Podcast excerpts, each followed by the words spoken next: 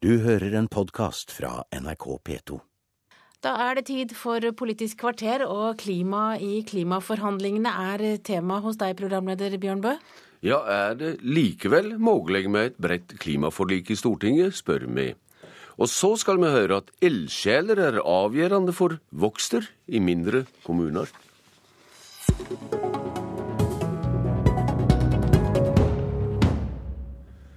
Ildsjeler mer enn kommuneøkonomi er avgjørende for flere arbeidsplasser og folketallsvokster i mindre kommuner.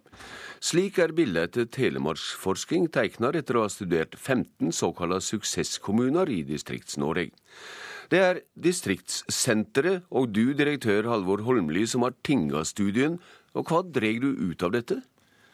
Det er mange ting vi drar ut av det. Det, det litt overraskende at uh, god distriktsutvikling handler ikke nødvendigvis om penger. Den offentlige debatten uh, om distrikts- og regional utvikling handler jo ofte om penger og virkemidler og støtte, men uh, rapporten Distriktssenteret har bestilt, slår langt på vei i hjel denne myten. Det er liten sammenheng mellom en kommunes økonomiske situasjon og hvor godt den lykkes med å være attraktiv for bedrifter, besøkende eller fastboende. Det er andre ting som avgjør om distriktskommuner lykkes. Jeg har lyst til å trekke fram tre ting. Det første er at eh, vekst og ut, positiv utvikling handler om, mer om utviklingskultur. Eh, kulturen i et samfunn må være preget av en offensiv, fleksibel og optimistisk vilje. Altså Det er folk som skaper steder. Og Her kommer jo det betydninga av sterke ildsjeler inn. Det andre er jo at eh, kommunen må utnytte sine smådriftsfordeler. Kommuner som, kommuner som, lykkes med å få fart på næringsutvikling og positiv utvikling ellers, greier å utnytte fordelene å, av å knytte ressurspersoner i både kommuneorganisasjon og næringsliv og frivillighet sammen i fleksible og effektive nettverk. Mm. Det blir altså veldig kort vei mellom ideer og beslutninger. Og det er rekorden som vi ser i studien her, er jo Austevoll kommune i Hordaland som i løpet av tre timer fikk inn en byggesøknad fra næringslivet og ga tillatelse etter tre timer. Mm -hmm. Den tredje faktoren det er arbeidsinnvandring, som en del av de suksesskommunene har klart å utnytte eh, veldig godt. Ja, takk til deg i denne omgang, Holmli. Statssekretær i Kommunaldepartementet, Anne Beate Tvinnereim. Eh, kanskje det har feil fokus i deres eh, rikelige distriktspolitikk? Jeg tror nok at Hvis vi snakker med ordførere rundt i landet, så vil de ikke være enig i at, eh, at eh, kommuneøkonomien er helt uvesentlig for hva de får utrette lokalt. Men, men jeg syns resultatene i denne rapporten er kjempespennende og bekrefter egentlig det vi har visst hele tiden. Nemlig at vekstkraften den fins lokalt, og det handler bare om å slippe den løs. Og så er det uh, utrolig spennende at noen endelig uh, trekker inn begrepet smådriftsfordeler. Nemlig det at korte avstander og små organisasjoner det gjør det mulig å gjøre ideer til handling raskt. Mm. Men hva er konkrete, ditt konkrete svar da på utfordringa fra distriktssenteret her?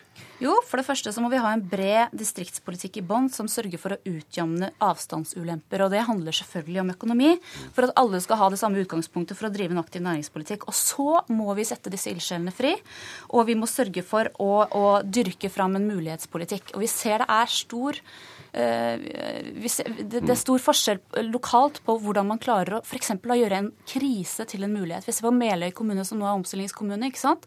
som har vært gjennom omstillinger tidligere, men som gyver løs på de nye utfordringer nå etter at eh, rekka er nedlagt, med, med, med tross alt mm. optimisme. Og det, det, gjør eh, Det gir muligheter. Jammen kom du med et fridomskrav, du også. Næringslivets hovedorganisasjon har bl.a. etterlyst romsligere vilkår for såkalte gründere. Administrerende direktør Jon G. Bernander, hvordan ser du suksesskommunestudien i en slik sammenheng? Ja, for det første er det viktig å avklare hva denne studien ikke er. Det er ikke en studie i kommunestruktur. Det er en studie blant de små kommunene om hvem som lykkes best. Og da syns jeg han gir et uh, rungende klart svar. De som gir rom for utvikling, de som sørger for at uh, entreprenører får slippe til, de som behandler de med mindre byråkrati og større tillit, de får vekst, og det vil jeg gjerne ha mer av. Og da har du også et båd til sentrale styremakter, går du ut ifra? Ja, for all del. Eh, nå sitter statssekretæren eh, her og eh, understreker det samme. At det er kommuner som satser på at det gis frihetsgrad for at folk tør å satse. Egne penger, egne innsats, og får løfta fellesskapet i kommunen. Det vil vi gjerne ha mer av. Det dreier seg ikke om overføringer, og det dreier seg ikke om stramme sentrale reguleringer. Men om skattelette kanskje, og rimeligere avskrivingsregler og den type ting? Ja, f.eks. at uh, skatt på arbeidende kapital blir fjerna, sånn at det blir større romslige rammer økonomisk. Men fremfor alt, uh, det som ble påpekt av forskeren også her, kortere tid, kortere saksbehandling, mer tillit til at uh, de som vil, også kan. Ja, Tvinnereim. Er det bare greit? Det er jo eh, forfriskende å sitte så tidlig på morgenen og være så enig med Noe hverandre i dette. Her har, jo, her har vi jo skjønt enige om at det handler, å, handler om å slippe kreftene eh, løs. Og vi ser jo det at Altså For å ta min egen kommune som eksempel. Eh, Enebakk kommune. Der kan man treffe ordføreren på biblioteket eh, noen ganger i måneden. Kort vei fra eh, ildsjelenes ideer til å få ting materialisert. Eh, det er Det handler det, det, det, som er spennende med denne rapporten, er at det kan stimulere til en debatt i landets kommuner om hvordan man kan sørge for å, å slippe kreftene fri og, og ha en fleksibel mm. organisasjon. Jeg bare advare mot én ting, liksom at eh, det er avstanden til ordføreren og graden av kjennskap til ordføreren som avgjør om du skal lykkes. De har noen andre sider som er ganske kvalmende og farlige. Det som er det viktigste, er at vi lager rammer i lovverket som gjør at de som tør å satse, også får lov til å gjøre det uten for mye plunder og heft. Rapporten slår fast at eh, det er en fordel at det er kort vei, sånn at alle kan snakke med alle. Det er noe med avstander og, mellom, mellom, besluttende myndigheter og de gode ideene. Eh, og det var det som var poenget. Mm, Bernander, på årskonferansen deres i januar hadde det et kraftig driv for kommunesammenslåing. Her hører vi suksesskommuner legge vekt på smådriftsføremoner. Kan det rett og slett være på villspor? Nei, vi har aldri sagt at ikke det fins smådriftsfordeler også. Men når vi, når vi, ser på kommunestrukturen, så er det fire kriterier vi ser på. Mm. Det ene er befolkningsutvikling. Har du en aldrende befolkning, eller har du et godt mangfold av generasjoner? Har du eh, skatteinntekter hvor kommunen står på egne bein, eller er avhengig av statssekretæren i Senterpartiets forgodtbefinnende hvor mye penger de får i overføringer? Eh, har du et arbeidsmarked hvor det er muligheter for eh, begge partnere, sånn at du kan satse framtida di i kommunen? Og fremfor alt, har du kompetanse, tiltrekker du deg kompetanse? Mm. Akademikerne sier f.eks. at småkommunestrukturen den gjør at deres medlemmer ikke søker seg til kommunen Norge. Det må vi gjøre noe med. Kriterier i denne studien vi snakker om her, er folketall og arbeidsplasser. Tvinnereim, det er vel argument for at atskillig færre og større kommuner er bedre i stand til å løse store samfunnsoppgaver som helse, omsorg og barnevern enn små kommuner? Nei, vet du, jeg, jeg tror at i dette landet her så er vi nødt til å innse at one size ikke fits all. Eh, og det hadde vært hyggelig om eh, NHO også for en gangs skyld innrømmet at eh, det er ikke alle steder i dette landet som, hvor kommunesammenslåing er et, et uh, godt alternativ. Uh, og da er det jo hyggelig at vi for en gangs skyld også kan fokusere på de fordelene uh, som, som, smådrift tilrettelegger for. Ikke minst da i forhold til å få fram skaperkraft og næringsutvikling. Det er kanskje en viss skilnad på næringsutvikling og de store samfunnsoppgavene, offentlige oppgavene som jeg nevnte her, Bernander? Ja, I noen grad er det det, men det går også på kompetanse hele veien. og Det understreker denne rapporten. Du må ha eh, initiativtakere, du må ha ledere som tør å gi eh, de frivillige plass. Vi har kommuner i denne rapporten som jeg kjenner veldig godt, f.eks. Lyngdal. Mm. De er en av foregangskommunene våre i et utviklingsprosjekt for å utvikle leverandører. Altså satse på ny teknologi, satse på nye måter å levere ting på. Det må også småkommuner være med på. Og jeg er helt enig med statssekretæren at det er slett ikke sånn at det er én størrelse som passer alle. Men det som er helt sikkert, det er at 430 kommuner, det er mange størrelser for smått. Også, ja. Kompetanseutfordringer er, er, en utfordring i veldig mange av landets kommuner. Men det er ikke utelukkende en utfordring i små kommuner. Tvert imot. Oslo er kanskje den kommunen som sliter mest med å få rekruttert f.eks. Eh, kompetent arbeidskraft innenfor eh, barnehagesektoren. Så, så, så, her må eh, også NHO nyansere bildet betraktelig.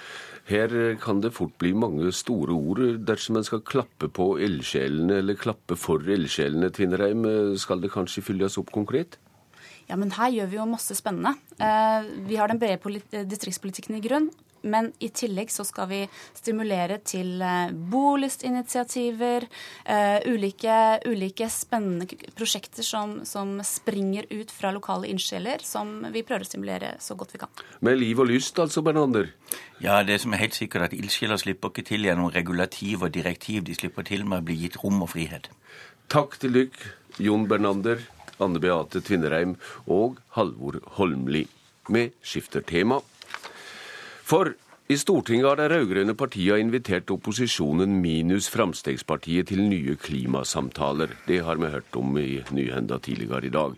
Men vi repeterer at Høyre, Venstre og Kristelig Folkeparti ikke vil kreve at også Fremskrittspartiet får være med. Siv Jensen er skuffa, men likevel stiller Høyre-leder Erna Solberg på møte med regjeringspartiene i dag. Jeg har tenkt å stille på det møtet. Da må de vise politiske innspill til oss. Klimaforhandlingene halter videre.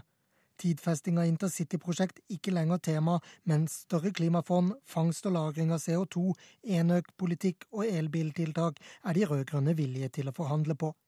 Invitasjonen fra Helga Pedersen og de rød-grønne til opposisjonen var ja til bredt flertall, nei til Frp. Vi har fra regjeringspartiene sin side vært opptatt av å få til en bredest mulig enighet om klimapolitikken. Hvordan kan du si det når ikke alle blir invitert til å være med i begynnelsen engang? Vi tror det er mye mer realistisk eh, å få til gode samtaler eh, med de partiene som har forplikta seg til klimaforliket. Høyre, Venstre og KrF takker ja til invitasjonen. Solberg ber om at Frp tas inn i varmen. Men også at vi slutter med dette barnslige spillet som regjeringen holder på med nå, og tar med alle partiene. Dette er både eh, barnslig, det er spillfekteri, og det ikke ta eh, miljøproblemene og utfordringene på alvor. De burde heller være glad for alle som forplikter seg for fremtidens miljø. En fattig bønn til de rød-grønne holder ikke. Siv Jensen er skuffet over Høyre. Forundret over den utviklingen som nå skjer. Fremskrittspartiet har eh, vært velvillig innstilt til eh, klimaforhandlinger hele veien. Men jeg er jo litt forbauset over at eh, Høyre så raskt forlater Fremskrittspartiet i denne saken. Siv Jensen er altså forundra. I første omgang er det samtaler og ikke tinginger det er snakk om. Reporter her var Lars Nehru Sand. Vår tids største utfordring er det sagt om klimapolitikken, og kommentator i Dagens Næringsliv Kjetil Alstein. Hva er det for politisk spel vi ser i Stortinget om dette nå? Det er, handler jo både om eh, litt ulikt, uh, ulike syn på hvor langt man skal gå i klimapolitikken, og om et politisk spill om Eh, regjeringsmakt i 2013, og hva de borgerlige kan eh, samarbeide om. Mm. I dag skriver du at selv om Fremskrittspartiet ikke er invitert til nye klimasamtaler med de rød-grønne, så har prosessen bedra klimaet på borgerlig side. Hva er det? ja, ja, du kan si eh, Effekten av klimameldingen er jo fortsatt omstridt, men den har jo da hatt en, en effekt nå som har bedret klimaet mellom de fire borgerlige. Og det er skjedd gjennom den prosessen som var i forrige uke, der alle partiene på Stortinget satt rundt bordet og forhandlet om klima. Og det som uh, forvirret de rød-grønne, var jo at Fremskrittspartiet var med og var villig til å, å diskutere tiltak. Uh, og det passer jo ikke inn i, i de rød-grønnes bilde av Fremskrittspartiet som et useriøst parti i klimapolitikken. Uh, og når det da ble et brudd, der de fire partiene, borgerlige partiene kunne stå sammen og beskylde de rød-grønne for å vise for liten vilje, så har de på en måte fått vist at de kan snakke sammen, de fire partiene kan snakke sammen også om klima, som alle har trodd skal være eh, et av de vanskeligste temaene for et borgerlig samarbeid. Så det blir litt uh, haltende for de rød-grønne å prøve å isolere Frp på nytt rent politisk nå, da? Jeg tror vel at det som skjer nå, er den beste løsningen for, for flere av partiene. Fordi de fire borgerlige partiene har jo ikke forhandlet seg frem til en klimapolitikk ennå. Eh, men de har vist at de kan snakke om klima, men det er fortsatt ganske store forskjeller. For vil eh, Høyre, Frems, eh, Høyre, Kristelig Folkeparti og Venstre at man skal ha mål om, et bestemt mål om hvor mye som skal kuttes innenlands. Det er Fremskrittspartiet helt imot. Mm. Og Høyre, KrF og Venstre har også sluttet seg til dette prinsippet om at forurenseren skal betale. Det er også Fremskrittspartiet helt imot, for de vil jo ikke at eh, bilister og forbrukere og industri skal, skal måtte betale noe mer. Men dersom eh, vi nå føresetter at det kanskje blir tinginger etter hvert, og at Fremskrittspartiet er utenfor dette, hvor realistisk er det å få et nytt bredt klimaforlik med de andre partiene? Med de seks partiene som var med i 2008, det, det tror jeg nok kan være mulig nå. Fordi eh, Høyre, KrF og Venstre legger vekk f.eks. kravet om eh, en tidsfrist for når et intercitytriangel på Østlandet skal stå klart. Og, og, et, og de har også redusert kravlisten sin, så vidt jeg har skjønt. Eh, regjeringspartiene må vel gjerne gi noe for å få til et forlik, og her er det ulike interesser også imellom regjeringspartiene sjølve? Det er det helt klart. Og jeg tror nok det var spesielt viktig for SV å få i gang igjen forhandlinger. Fordi eh, her har jo SV fått til inn, fått innrømmelser fra Arbeiderpartiet eh, i de forhandlingene som skjedde på Stortinget forrige uke. Bl.a. Eh, en raskere opptrapping av dette klimafondet for industrien. Og vil, den innrømmelsen ville blitt trukket tilbake igjen hvis det nå ikke blir en avtale. Hmm. Det blir spennende å se. Det blir altså nye samtaler om klima i Stortinget i dag. Politisk kvarter er slutt. Takk til deg, Kjetil Alstheim. Jeg heter Bjørn Bø. Du har hørt en podkast fra NRK P2.